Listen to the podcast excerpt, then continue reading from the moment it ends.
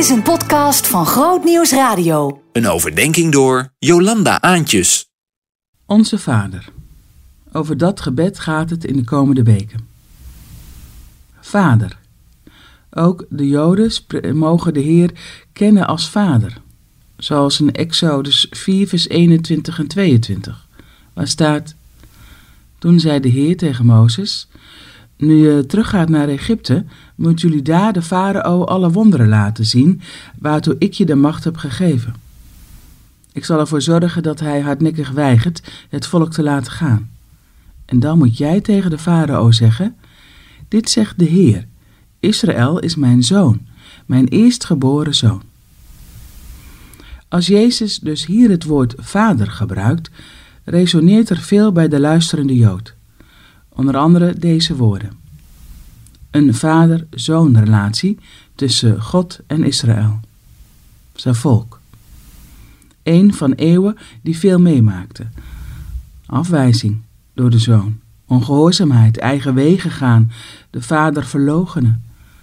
Wat een pijn zal God de Vader dat gedaan hebben. Onder ons zijn mensen die dit kennen op, op menselijk niveau, ervaren uit eigen leven.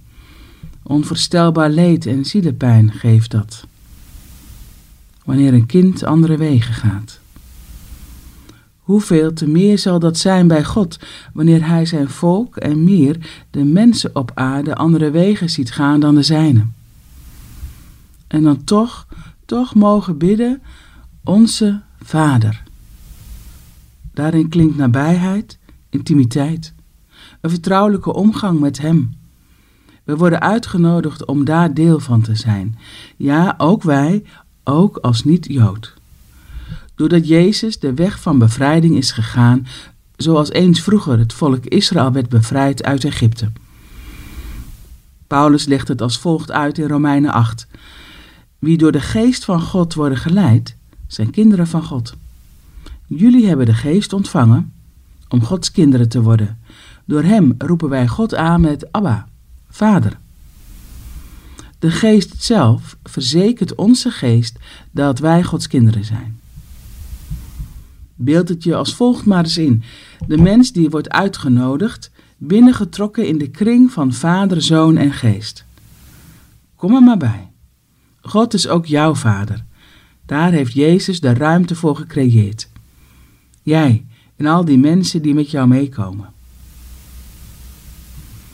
Luister je en ervaar je vandaag de pijn van vaderverlatenheid, van geen vader kennen, van afwijzing, van een terreurvader, pijn van zelf geen vader of moeder zijn, van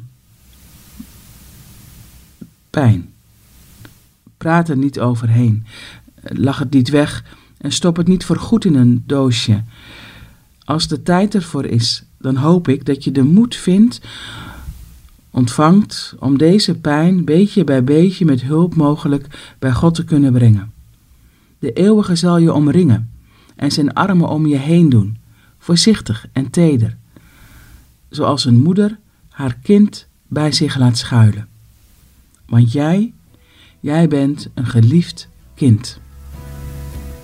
Eer aan de Vader en de Zoon en de Heilige Geest, zoals het was in het begin en nu en altijd en in de eeuwen der eeuwen.